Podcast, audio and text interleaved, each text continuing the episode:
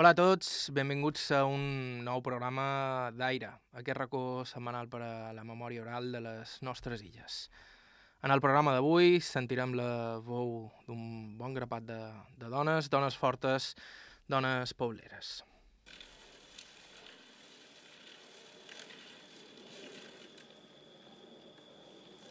Les arrels es nutreixen, s'alimenten de les pedres que bloquegen els vostres més anhelats somnis. Mare meva, mare terra, homenatge a la Marjal Poblera. Això que sentiu és un bocí de l'obra de teatre Històries de Margeleres, obra de Maria Antònia Crespí. La Maria Antònia és de sa Pobla, com podeu suposar, i arrel de les seves converses en, en sa mare va tenir la idea de començar a recopilar els testimonis de les dones majors del poble que, com sa mare, havien fet feina a la Marjal. La Marjal és, com diuen allà, els bocins de terra de Conreu que alimenten bona part de la població poblera. El meu interès va començar perquè jo faig xerrades en, amb ma mare i també fa molt de trajectes en, en tren, que jo estava ja a la televisió, i, i un dia pensava, saps, el que ella m'explicava, que contaven coses així, i mirant per la finestra de, del tren, pues, vaig pensar com que el que ella m'explicava a de fora ja no ve, saps? Eren com un, un altre escenari, que s'havien anat perdent aquests elements del molin rodant o la gent cantant, molt de sols, molta producció, i, i vaig dir, això ho he de gravar. És com que la història de la pobla només està dins la memòria d'aquestes persones. Aquesta era Ana Maria Antònia, a continuació sentim a Salvadora, la seva mare. Salvadora Canyelles Cardell.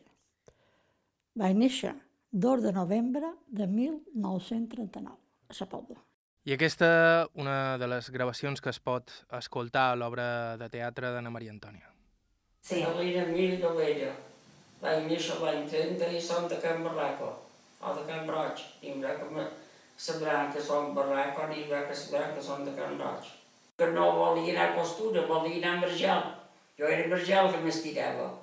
Llavors, és que els nostres pares, mon pare si mateix ja en sabia un poc, els homes en solien saber una mica. Però ma mare no sabia posar nom, no, no, no sabia gent de lletra. Ah, mon pare sí, però la dona no sabia fer res. Era, la gent d'allò era tonta, era viva però era tonta. Perquè no, el seu pare no els acudia bé, fer, i, i si els pares ja de darrere ja no els de, ja no els ha d'anar a l'escola, com en havien de saber lletra. Jo no volia fer una obra de teatre. Mem, és que, clar, jo quan vaig prendre la decisió de fer això, que vaig veure que estem m'anava en contra, vaig dir, mare de Déu, quina feina, quina feinada que tinc. Però, com a per respecte elles, vaig dir, bé, elles n'han fet més que jo, ja trobaré la manera. Jo volia anar mig d'un camp i posar uns altavous i que la gent tapitgés la terra, potser ho faré, saps? Una cosa més així. Però, clar, vaig dir, això, jo el que m'interessa que siguin elles que ho vegin. I per això vaig dir, faré la congregació, que estiguin assegudes, tranquil·les, i també eh, amb això aconseguia crear un espai de reunió estiguessin dins un mateix espai rebiguent un, un feedback o un altre punt de vista de lo que són elles. Això era el que m'interessava. I que també venguessin allà i que me diguessin ah, jo també, jo tinc la meva tia o jo tinc... M'havia d'inventar alguna perquè elles li fer ganes eh, conten-me les coses.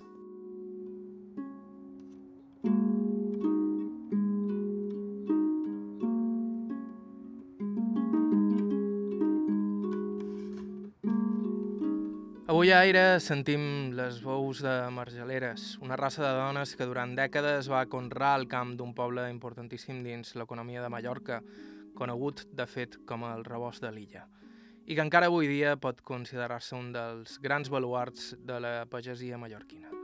Esperam que ens vulgueu acompanyar. Començam. Mm.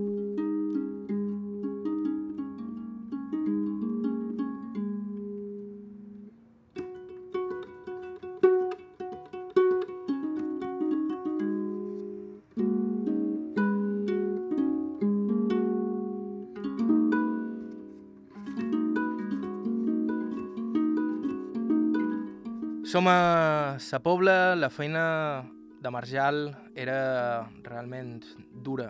A la comarca del Raiguer, a Mallorca, a l'hivern hi fa molt de fred i a l'estiu una calor implacable. Aquesta que sentireu és una Antònia Mussola, tota una institució paulera, una dona cantadora que ha fet molt per preservar les cançons del camp de la contrada i que les va aprendre totes fent feina a la Marjal. Som a la sala d'estar de Cana Salvadora. L'àudio no és especialment bo, però s'entén tot. Cantàvem per oblidar el mal d'esquena, per, oblidar el cansament que duem. No? Llavors els talls de, de, de gent eren molts. Per exemple, les patates per durar 10 dones. Hi ha homes i dones eh, eh, traguent. I una cantava, l'altra contestava. Per què? Perquè quan mos donàvem quan era migdia cantant, el temps mos passava més. Mira dins on era, amb aquell sol que perquè el fa, sol... haver de cantar, eh? Mm -hmm. Passàvem, Vora, vora! Pobreta, sí. Déu, vaig no no alçava el cap. Com se Sí, sent Sí, sí, la Cecília també, la Cecília li han d'anar a pegar qualque vegada. Perquè s'aturava... No sap que es feia feina a davall el sol. És, és difícil de fer, perquè totes aquestes feines que t'han dit és davall el sol. Sí, No, no trien sombrilla. I molt de dies quan fa vent encara res, però de vegades eren les dos i encara no havia vingut el vent i anàvem tot, tot, tot banyats de suada. Era dur perquè era dur. Ara també estàvem molt forts, eh? I perquè sempre anaven descalços, eh? no duen sabates. Salvador, quan t'ha dit que sembraven les patates amb aquella robada que fa cristal·lina, ja, duem, els peus plens de sang, de talls. ja. Oh, i plen de talls, perquè per quan feia crac, crac, crac, I com és que no duieu sabates no, no, no, s'u- perquè no s'usava, llavors. No s'usava dur calces ni per anar vestida. Vestida me, me refereix quan s'anava a una festa. Mm. Ha cançons, ara no els sé, de cal, no dur calces els dies finers i jo els diumenges no em puc dur, una, ha una cançó que sí, però no, no me'n recordo com és. Sí, no, llavors era, era una vida dura. No sé si saps, saps què és blat, quan se sega se queda un rastol, rastrojo, que això avui jo no posaria ni una, ni una passa, perquè això talls, però tenia l'escall tan fort des, despeu, que jo comparen aquest negre que estan per la selva que sempre van descalços, no se fiquen res. Nosaltres caminàvem per damunt aquell rastol i nosaltres mos ficàvem. Mira quina sola de peu teníem, tan dura. I la manca sortia aquella. I se mà, se mà, perquè no duen ni guants ni res, que no tot això d'aquí, puh. D'hivern mos fugir, però en d'estiu... Eh, Devia ser guapo, però també al llarg del dia començar a sentir gent cantar, perquè no devia Era molt guapo. Jo me n'anava eh, a regar la finca havia anat de Cana Salvadora i me posava a regar. se diu Son Pou. Som, som, si som poc, Can Lleveta. A Can. I tenia vinats aquí, vinats allà, ells aquí, d'aquí. I si estava una hora que regava i no cantava, ja me cridaven, Antònia, no estàs bona avui? Sí. No has berenat? Sí. Vinga, no mos cantes. Ara vos cantaré. Clar, en aquell entonces jo tenia la potència la veu forta, sempre l'he tinguda forta, però ja m'he amb una vintena d'anys. Cantava Antoni Molina, que llavors era molt famós i tothom els agradava molt, i me feien cantar cada dia. Cada dia, cada dia per allà havia de cantar.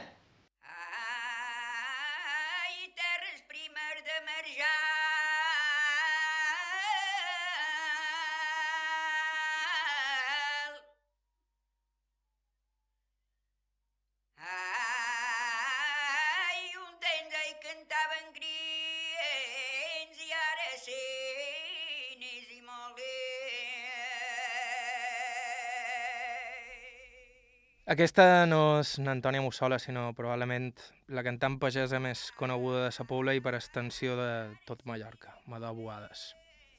Ens hi treuen un gros.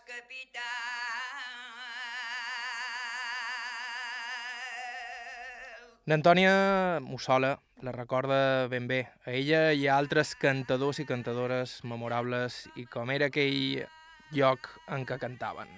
A Boada, amb la Carbonera, amb la Paula Caixes, amb la Marcel·la, de, si no és ja és posterior, ja és la meva edat, però tota aquesta gent és molt més vella que jo, Pau Collut, amb Joan Ponset, Eh, que vivim l'any Ponseta, ui, ja n'he conegut amb el barri Escolana, que són moltes, moltes.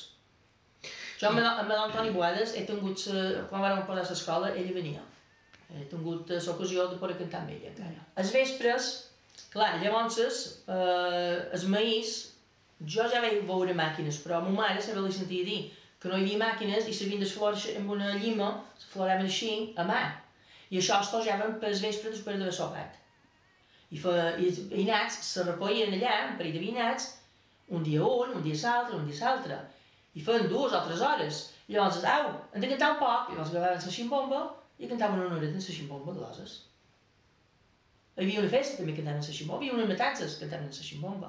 La ximbomba era de festa, era més de festa. Perquè, per clar, per sonar la ximbomba no podies fer feina. I les cançons del camp són a capella i qualsevol feina fesses pot cantar qualsevol cançó. Sempre hi ha gent que no, que no se sent tan bé cantant, però que hi havia més cantadors que ara. Ara estan empaguits molta de gent. Nosaltres tenim a l'escola, quan som petits, bé, però quan comencen a ser fredinetes, ai, jo estic empaguida, jo estic empaguida. Ara en tenim una que va cantant ximó i diu, aquest any no vull cantar perquè estic empaguida. Mm. Té 12 anys. Què hem de fer? Ara s'empagueixen més. La gent de, de, més edat encara, jo tenia el predí en part descans, que era molt goldador. Mm, sí, També tot venien som- de família. Se reunien i feien una ballada a una taverna, També, venga sí. gloses i gloses i gloses, a un fogueró, era molt Mm. goldador i glosava molt, molt bé. Molt. Això en totes les festes de l'hivern era més de gloses i això. La festa de l'estiu, que era per Sant Jaume, doncs ja eren verbenes, llavors, això sí. Aquí sí que les pagesos ho tenien un poc difícil. O jo, jo volia anar a ballar, ma mare també era balladora, i anàvem vint de bé les 4 a ballar. I llavors el que nostre, cafè amb llet i a regar, sense colgar mos. Jo per Sant Jaume he estat 3 dies i 3 nits sense dormir. Perquè llavors quan venia, vés a dormir. Dormir, en el cinema em vaig, amb les amigues. Al vespre, no, ara vull tornar a anar a ballar. Ah, tant és que cada dia perquè tornar, perquè cada dia teníem el tros que mos tocava per anar a regar. Teníem dividit, cada, veure. cada dia havíem de regar. Sóc a veure.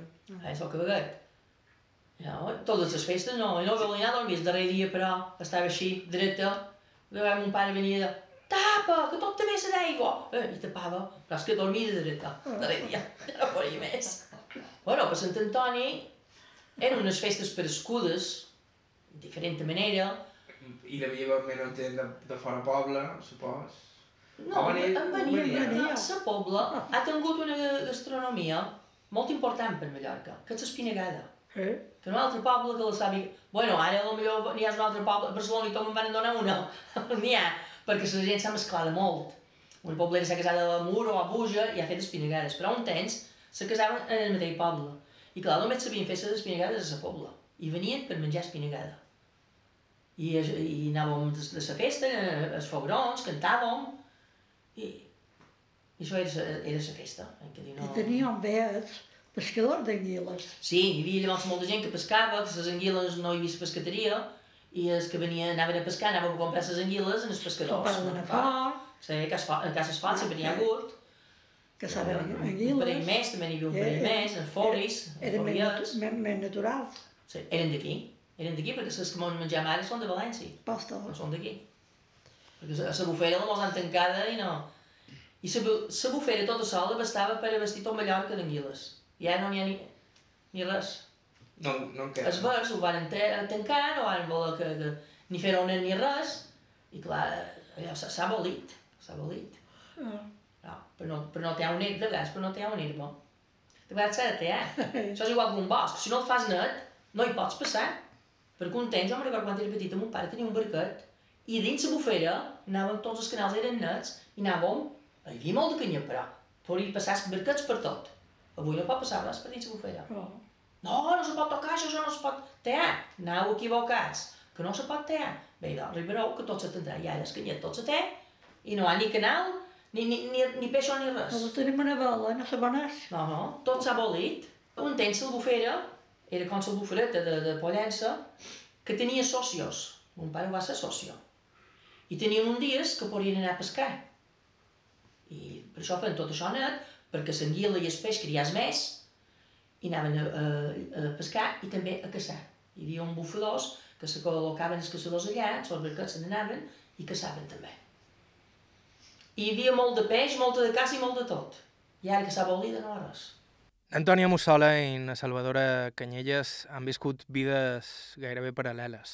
Tenien marjals veïnes i es veien molt sovint. Aquí teniu una Salvadora parlant-me dels seus orígens. En què se dedicaven els vostres A pares? pagesos, pagesos, per a pagesos. Que feien feina per ells mateixos? Sí, no, per, per, per, per, per ells mateixos. I on estava? Sa... On estava a casa vostra? Mm, A la carretera d'Inca, número 4. I allà teniu... Es... Ca nostra, era ca nostra allò. Jo vaig néixer allà, I que conreaven els, teu, els vostres pares? mm, molt. Con, ma mare conreava un molí i mon pare també finques. Era una, era... Bé, no sé, li diré, no sap els camins. No, digueu-m'ho. Camí de Sant Pou, uh, Sant Pere, la Coma, i que, que anava d'aquestes finques. Que hi teníeu sembrat, allà, a Margella? Moltes coses. Cacavets, mongeta, maïs, eh, patates, de tot, caixoferes, monetos, de tot. N'hi havia una de deu cartons, el molí, que eren sis, després una cini, que eren tres, i eh, estem de l'exportació, que això se pot comptar perquè eh, s'ha passat una penada. Començaven a treure patates, en sorguilans, acotats, i també de la manga forta, de llogada, si importa. Després, per eh, de la cooperativa, que és de la cooperativa, en carros, perquè quasi no hi havia tractors, en carros, i, des, i després del seu carro havies de passar, que és una plaça de mercat, o un senyor la revisava. Aquesta no és bona, aquesta, vinga, vinga, arrere, arrere. Digues tu, que allà que allò fa dos anys que fa cola. I molt la fan tornar enrere. Bueno, moltes vegades el meu home, quan arribava, era a les 12 del vespre, i el de passava, la revisió, però molt molt. I això és molt dur.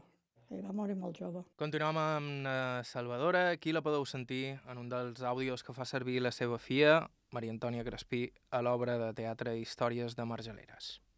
La pobla, en aquell temps, regava mancinis i molins. Era una monada veure aquells molins. Jo m'encantava. I jo regava en la cini, venia, de mon pare, me posava el mul a la cini i jo regava. Però ha un moment que, que, que acabava la paciència, perquè quasi no, quasi no podia tapar, ni siquiera me, me, me venia aigua. I era que mul s'aturava, a vegades, i ell me deia, si és que mul a vegades s'atura, dic, i jo no, jo no me ve aigua ni res, i me posava nerviosa. I un dia me va dir, diu, no passis pena. Si recollem una bona anyada de, de mongetes, posarem el motor. Jo vaig dir, que bé. I eh, coll les mongetes i va dir, posarem el motor. Vale.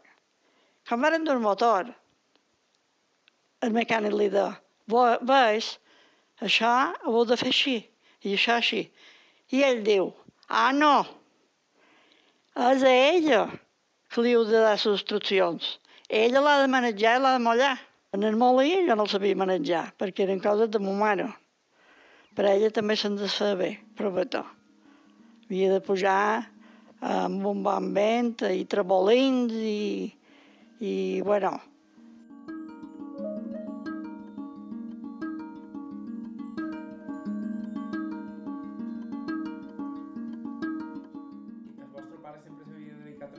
sempre.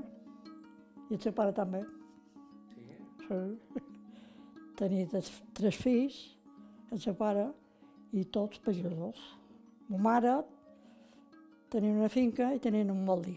Mon pare no en van tenir això de molins, però ella sí. S'anava i s'embalava el molí. I jo a vegades m'atrevia a pujar-hi, me deia, ai, no pugis, la torre era molt alta. Ai, te tomarà el molí. I, un dia vaig pujar. Quan veig que el molí que rodava, ai, te, pot agafar. Però mon pare no, no, no era tan moliner. Ma, ma mare era molt molinera. Bé, perquè sa mare ja li va, ja li va de, deixar d'herència que molí. Una terra molt bona. Antoni ho sap, que eren veïnats, una terra molt bona. Clara, cada dia. Aquella l'envolava. Jo moltes vegades, quan era baix, me deia, de balla. Jo li ajudava a estirar les cadenes.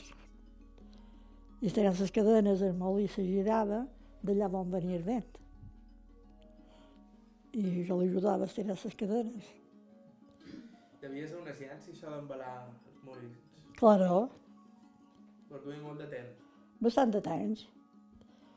I no era això el lío. Quan eres eh, que faig ja feina, a lo millor, ai, ara ve, ven d'allà, que pujant el molí. Hem de llevar una vela. Hem de posar més veles. Perquè, després, ah, un trebolí. Tancat el molí. Perquè un trebolí, se m'anava... Eh, eh, el molí a vegades el tomava. Era Salvadora Canyelles. Avui a Aire sentim històries de margeleres pobleres. Fem una petita pausa i continuem.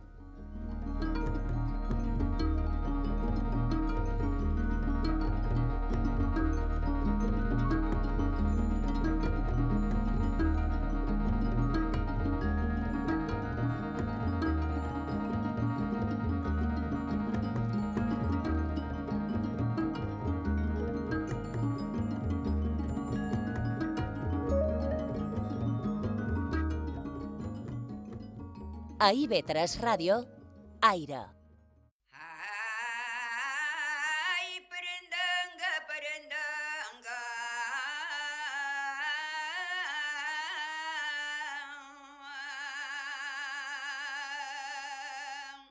Joan Cabot. Aire. Ai, ja t'ho podries pensar.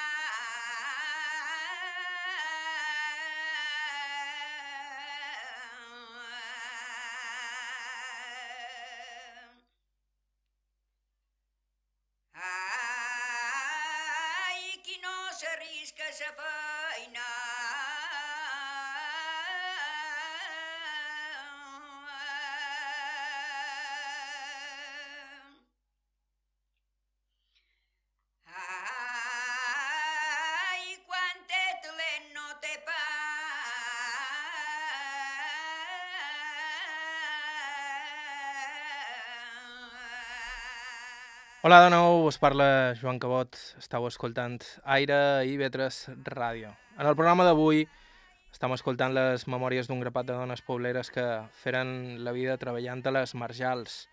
L'excusa és l'obra de teatre Històries de Margeleres de Maria Antònia Crespí, que s'ha dedicat també a entrevistar les dones del poble, que, com sa mare, varen fer de pageses gairebé tota la vida.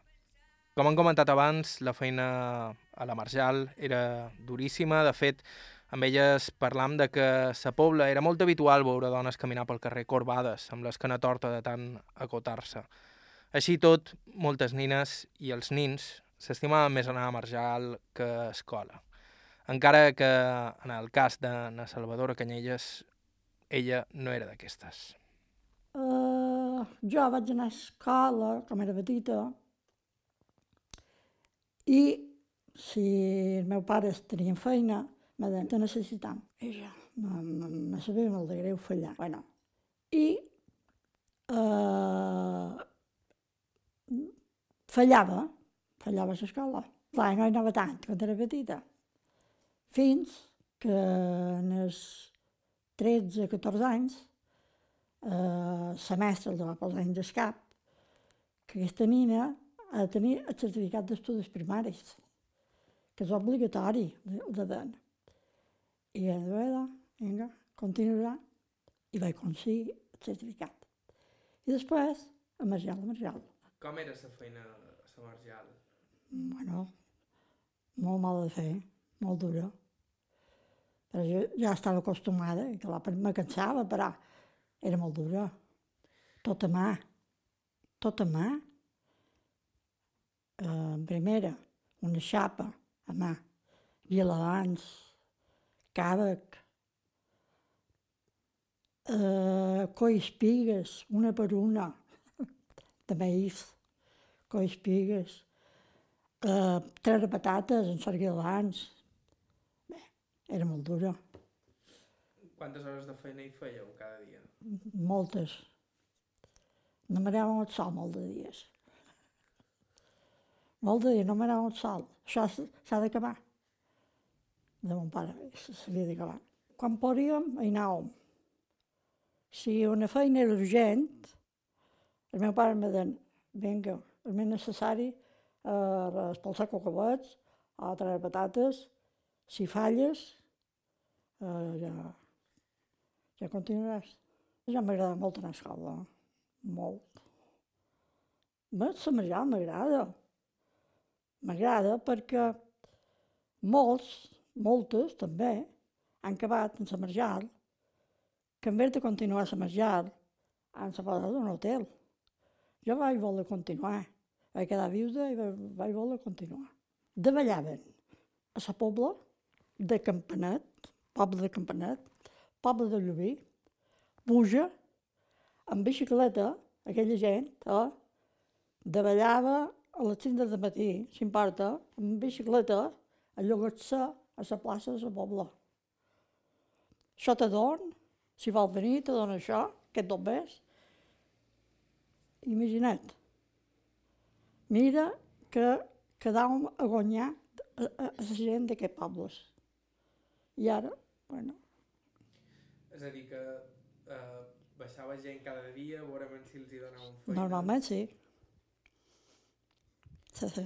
Amb maquineta. No hi havia motorets. Maquineta li deis a la bicicleta? Amb bicicleta. clar, hi havia fusters, clar, hi havia fusters, ferrers. Ja n'hi havia. Teníem els que arreglaven els molins, que tenien una feinada, perquè sempre el, el molí, a poc o molt, s'espanyava. I ja, aquest home ja podia fer feina vinga, a molins. I pica, clar, havia també pi- picapraders, mecànics i molts reglant manes de, de guilabans que se rompien, en mànec a vegades, i també daven que guanyar a molta gent. És veritat. Daven a guanyar molta gent, una xapa, un guilabans. Tot això s'espanyava i, i, i ho hem d'arreglar. I així vivíem. I ara són negocis molt distints, el que hi ha ara.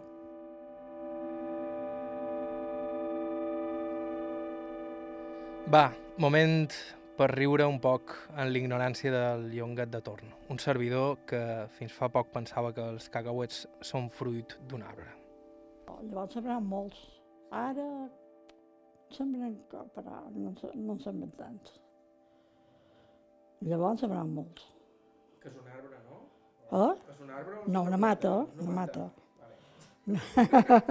Bé, no, ra, no raro, eh? Una mata, surt petita, va creixent, posa una rama i a baix posa el cacauet. Després, un cert temps, quan és madur, que més o menys és el novembre, més o menys, arranquen i això, això se fa amb mà. Antes. Ara, eh, després, hi ha arrencadores en tractoret, una arrencadora, ja els arrencaven en els sols, les mates aquestes. I però llavors la mà, vinga, vinga, mota, mota en mota. I després havíem d'esperar que s'acassen. I després una caixa, eh, la gent mordua a nosaltres, eh, mos duen els manats de, de cacabets i expulsa que expulsa, vinga, vinga, vinga, dins la caixa. Després els havies de ventar i després els havies de solear. Llavors els havies de triar. Perquè n'hi havia que sortien molt bons i n'hi havia que sortien bastant xerets. Darrerament, se de se posava un bitxo que se de cut de rossinyol i foradava la pell del cacabet i se tirava dins el bessó i tot. I ara, per mi, a productes, però ja no en fan tants. Quan triàvem els cacabets, llevàvem eh, més o menys els que no eren tan guapos, i després els desfloràvem, i que el bessó tornàvem a sembrar, un rosari. A més dels cacauets i la patata, que és el producte pel qual és sobretot coneguda la Pobla avui dia, a les marjals s'hi feien també carxofes, blat i una altra cosa molt sovint, mongetes. N'Antònia Mussola i na Salvadora Canyelles me parlen la recollida de la mongeta que es fa de vespre, en presència de na Maria Antònia, que ho recorda de nina. Que la mongeta sí. es com a gues. La, va- la vaina aquesta que té, té un pitjor rossi amb la cua, i se fica i no la pots agafar. I a l'ardura de la nit, allò, és aigua. I de fer una robada. Si estava ben robat, allò, ni no picava, l'agafaves de qualsevol manera, i així arrencàvem, vinc el sol, començava a prendre-ho. Llavors el deixàvem pel tren demà. A més, que la mongeta en so sol, quan l'agafes, s'esflora, la vaina s'esflora, Exacte. i tota la mongeta se va per aquí i per Tenia allà. una bojoca. I, en- i en, en la nit no ho fan això, perquè és tan blana Sí. eh, que queda així com està. I saps quina hora fa- per anar a repassar mongetes? Quina hora? Cinc i mitja, dos de matí, sí. Mm. a quatre i mitja, vinga, a repassar mongetes. Badena. No, no, no m'ho pare me cridava a les dues, això. bé, A le- a les dues de matí. A les dues del matí, entre berenar i això, a les tres, a les tres ja, saps ja, quina, ja saps quina jo. vida que fem? Sí, perquè llavors es tenien es moliera mitges, a les 9 havia d'entrar a regar la patata o el que fos, i no... Jo ja tenia una amiga que tenia un xalet de campi que fora del té. I me deia, has de venir, saps que ets guapa, els matins, quan tot el sol. És preciós. Sí. Jo, de, de, jo el vaig sortir. Sí, jo ho vull cada dia. Oh. Cada dia repassàvem de tot. Sí, posar mongetes. I quina, que- I quina temporada és que s'agafa? La mongeta, pues, en el juliol començàvem. Juliol i agost. En 15 dies fon bons, Sí. almenys. Almenys, sí. Eh, eh, Home, n'hi havia de més primerenques, Sí. n'hi havia de més tardanes, entre juliol i agost. Eh, Bueno, mitjan agost ja se començava... A final d'agost ja acabaven de batre. a voler de batre, batre llavors. Dur les a cera i batre. Quin I... desastre, quin I fa, desastre. fa munts d'aquestes mongetes, Ah. fa munts per separat i després també el que fan, jo era la que ve això, de lo darrer fan com un mini refresc, perquè el que fan era que entre els veïnats o com la família, tothom s'ajudava, llogaven una màquina que era com un Eh, tipus però- tobogan Sí. i aquí posaven cada munt, A ho tiraven allà i després la màquina des, i ja hi havia un sac i ja anava... Ja, tri, ja anava... Això era el teu temps. Sí. El teu temps, el duem a. No, I el no. Samuel, o Això de... de L'Antònia, el que hem passat, a cera. Sí, ta mare, el temps de ta mare i jo era cera. Però jo dic el que jo me'n record. I el vent, com el no toqui jo, perquè això no se podria fer, per exemple, perquè si tu agafes a qualcú, un veïnat que t'ajudi o tal, ja l'has de llogar... Saps què t'he dit? Tot ha anat, Sí, no, tot, avui ha- ja- tot ha ajudat a que anés cap avall. Eh, la gent era més, més amable dins la pagesia, no sé, els altres grèmits, s'ajudaven, no miraven una hora, No, no. avui una hora val molt. Sí. Una- Ah, no, si no me dones, si jo no he de cobrar, no vull venir. el que fan és això, això que t'he fet a tu, i Sí. sí. jo un fedor de petita, com en el final quatre galletes, i si Sí. tothom una, Els un pot de cervesa, i ja, després una Avui si convides una- qualcú que vingui a fer una feina en el camp, només ve un dia. No mirava un prim, perquè potser un veïnat eh, tenia una corterada, quatre cortons, i potser un sal, salt en tenia deu. I havia d'anar a fer feina per deu. I no mirava un prim. És igual, si he fet dos dies de feina per tu, és igual.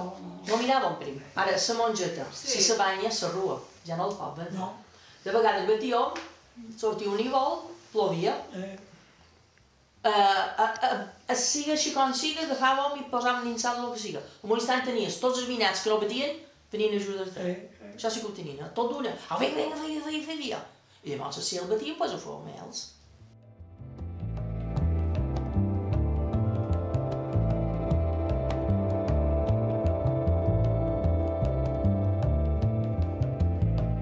En uns segons parlam de patata, com no podia ser d'altra manera, i de com Maria Antònia Crespí va decidir fer tot el possible per preservar la memòria de les dones de la generació de sa mare. Fem una petita pausa i continuem.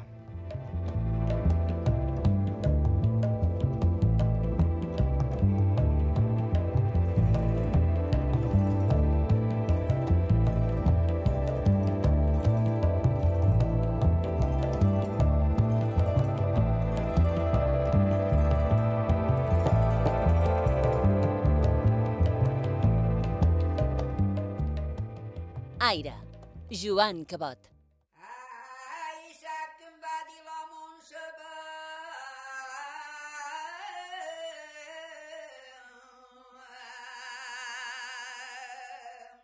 Va. A IB3 Ràdio,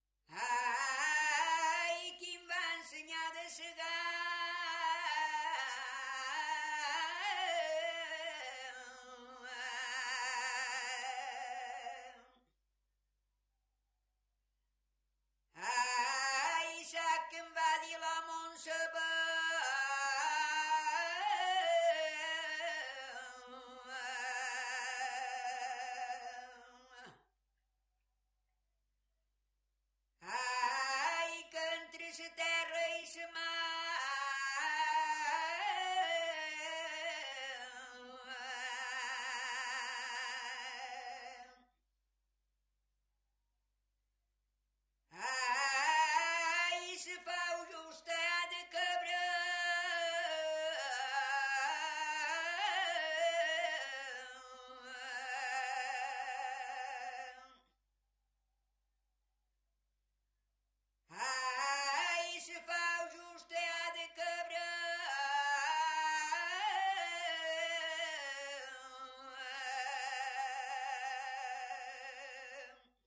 Són Joana Canyella Mateu i el meu nom, a Sapodo, és de Can Gelat. Mon mare és de Can Rei. De l'any 1933, 13 de desembre. Com hi d'anar, teníem feina, no podíem anar ni aquí ni allà en les verbenes.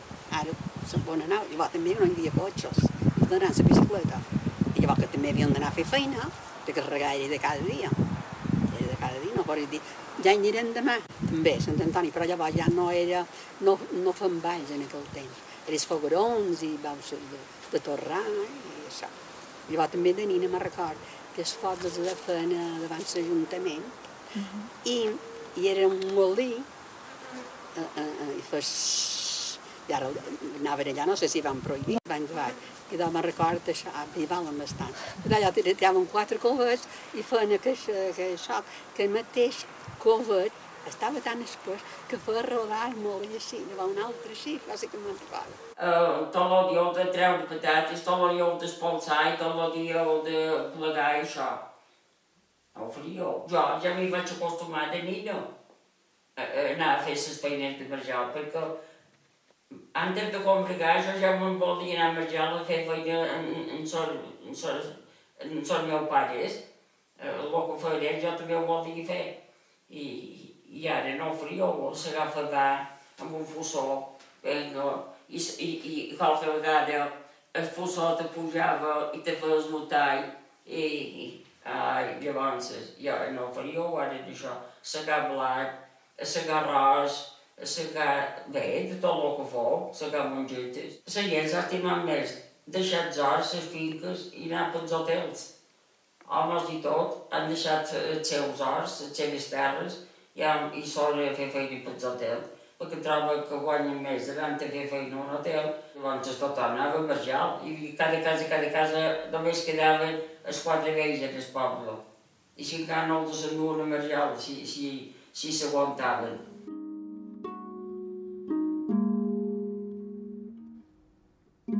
Hola de nou, estàu escoltant Aire i Vetres Ràdio. Les veus que acabeu d'escoltar són les d'algunes de les dones que la paulera Maria Antònia Crespí ha estat entrevistant per la seva obra Històries de Marjaleres. Avui estem fent el programa a partir del seu treball, escoltant el testimoni de diverses dones pobleres que van fer la vida a la, a la Marjal. Aquí, la Maria Antònia mateixa ens explica com va ser que va tenir la idea de començar aquest projecte.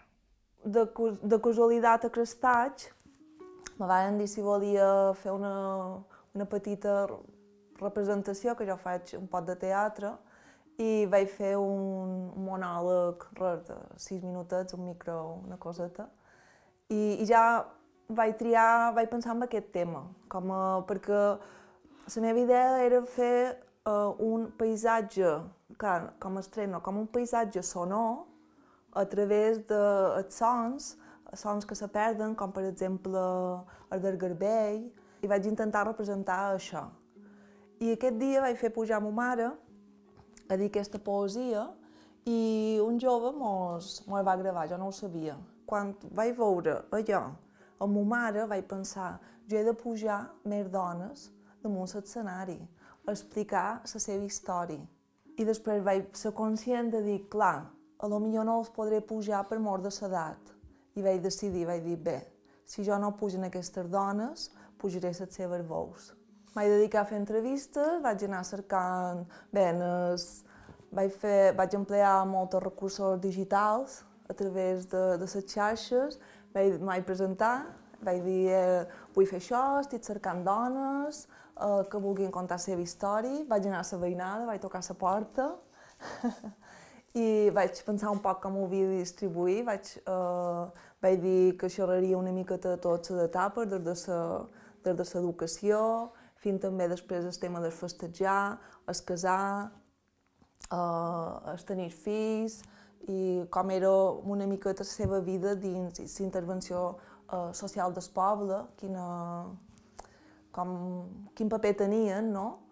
I, i així vaig començar a anar registrant una i l'altra. O de primer n'hi havia que, que estaven com a retraïdes, però després com que també eh, uh, va, no sé, el tema va agradar i vaig fer un article en el diari, ja després va ser com, ai, jo te vaig dir que no, però ara que sí. És que li xoca, perquè no... Elles no se senten uh, que, com que les seves històries, ara que tu periodista vais allà a entrevistar-les, no, no se senten uh, valuoses. Perquè jo el que volia fer, el que vull fer amb aquest projecte, és que quedi constància no en, sa, no en el que jo conto, sinó en les seves veus de que era el que, lo que se vivia aquí i a través d'aquestes històries il·lustrar el que va ser aquest poble i que realment, quan ja la dona ja no hi era, realment eren com a les protagonistes de la, de la història, el que passa que les secundàries socialment.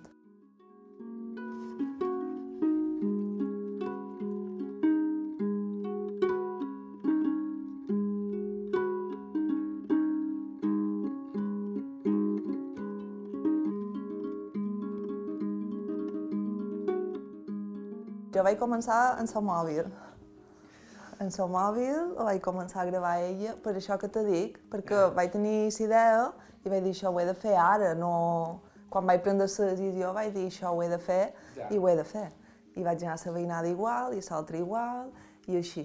I després ho, ho posava en el portàtil i ho anava teant i n'hi ha que, a millor si estaven a l'exterior, que a lo millor trobava aquella dona que, que la trobava a l'exterior que m'ho explicava i de se el vent i, i el que hi ha, vamos, natural total. Clar, el que representa la veu de la dona, que sempre, com la veu, ha estat com a més silenciada, no formava part de les decisions d'un de, poble, que hi sempre qui pren les decisions, clar que en el consistori que sempre eren homes.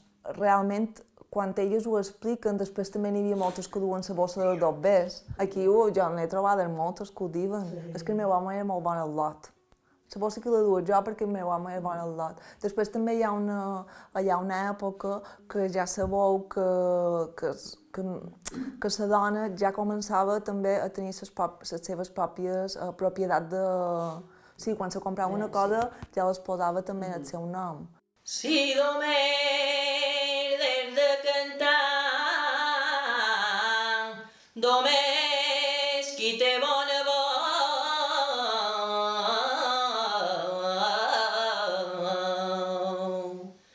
Si només hagués de cantar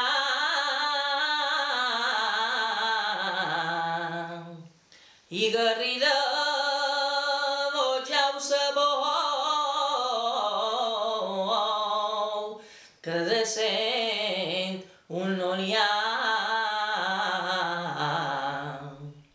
Aquesta sí que és n'Antònia Mussola cantant. Cantant-nos, de fet, aquesta mena de flamenc de sa pobla. A la pobla, a les finques que, tenim, que tenim juntes, na Salvador i jo, mon pare sempre m'ha dit que això era vinya. Antigament era vinya. Que llavors, se, quan va venir el cultiu de la patata, se va llevar la vinya per cultivar patata.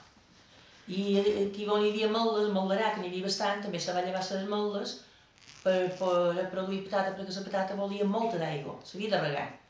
I la pobla és un dels pobles que té més aigua dins Mallorca, de pou, sí. Sí, sí, tot, cada finca té un pou, perquè si no un pou no pot regar.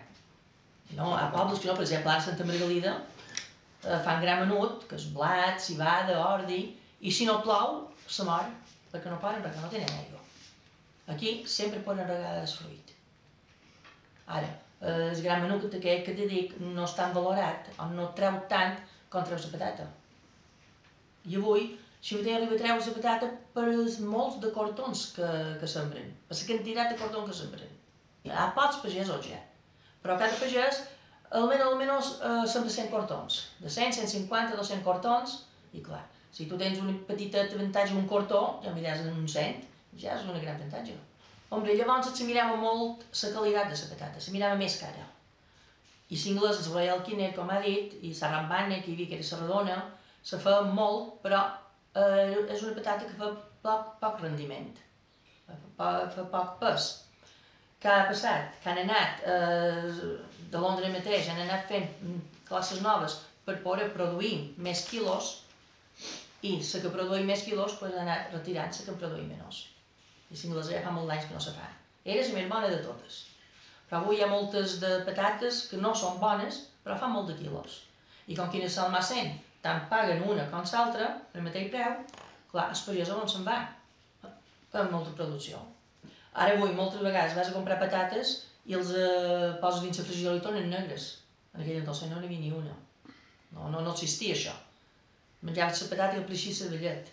Tot, per un hi havia 10 classes de patates, no n'hi havia tantes com ara, perquè ara n'hi ha cent i pico, però eren totes bones i de qualitat. Però s'ha anat eh, engentrant tot això per fer més quilos i és el que de vegades a Espanya, la qualitat. Jo he menjat tots anys de mongeta. Però llavors, no sé què és que va passar, que no varen tenir els drets per mi aquí, i Andalusia mos va guanyar de treure les cèl·lules o els papers, diguem, per poder exportar. I Mallorca va quedar a darrere i no ho van poder fer. No podem exportar. Seria això que, que molt d'anys, molt d'anys era el sobreviure de la pobla. Bueno, també llavors hi havia gastos. Podíeu menjar per allà, hi havia gastos. Si s'espanyava un motor, s'havia d'arreglar. Si se rompia el molí, de vegades tot el que guanyaven s'anava darrere el molí. Perquè la margel de la pobla predominava que hi havia més de mitja pobla margelera i donava menjar a tots els altres negocis. Per un ferrer que mos arreglava les eines, un mecànic de motors, un fuster els molins, i tots els altres s'havien de fer una caseta, s'havien de fer una paret, tot, tots, ben que dir, tot el poble menjava de damunt la margel. Avui no, avui ja és diferent. Avui ja se, tota aquesta gent que anava a marjar, la majoria, se'n van a un hotel, o se'n van a un puesto, o se'n van a l'altre. Ha donat un canvi, en 50 anys ha donat un canvi molt gran, molt gran. La pobla eh, ha passat lo seu, molta feina, molta suor, i així era la pobla.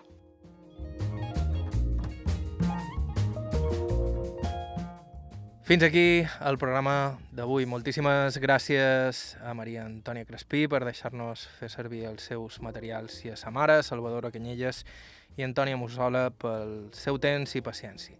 Si teniu ganes de veure el treball d'Anna Maria Antònia, tenim descomptes per veure-ho online amb motiu del Dia de la Dona Treballadora.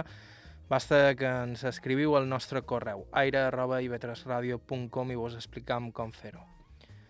A nosaltres ens podeu seguir a Facebook, Aire IB3, a Instagram, Aire barra baixa IB3, i ens podeu escoltar pel Podcast i similars i a la ràdio a la carta d'aquesta casa. Vos recordant que alguns dels materials d'aquest programa formen part dels fons, dels arxius, del SOI, la imatge dels Consells de Menorca, Eivissa i Formentera i de l'Arxiu Oral de Mallorca, pertanyent a la Fundació Mallorca Literària Consell de Mallorca. Bàrbara Ferrer i Margalida Mateu a la producció executiva, Jordi Pol i Mateu Moll ens assisteixen a les entrevistes, Miqui Fiola a la producció tècnica, us ha parlat Joan Cabot, fins la setmana que ve. Si tu me vens de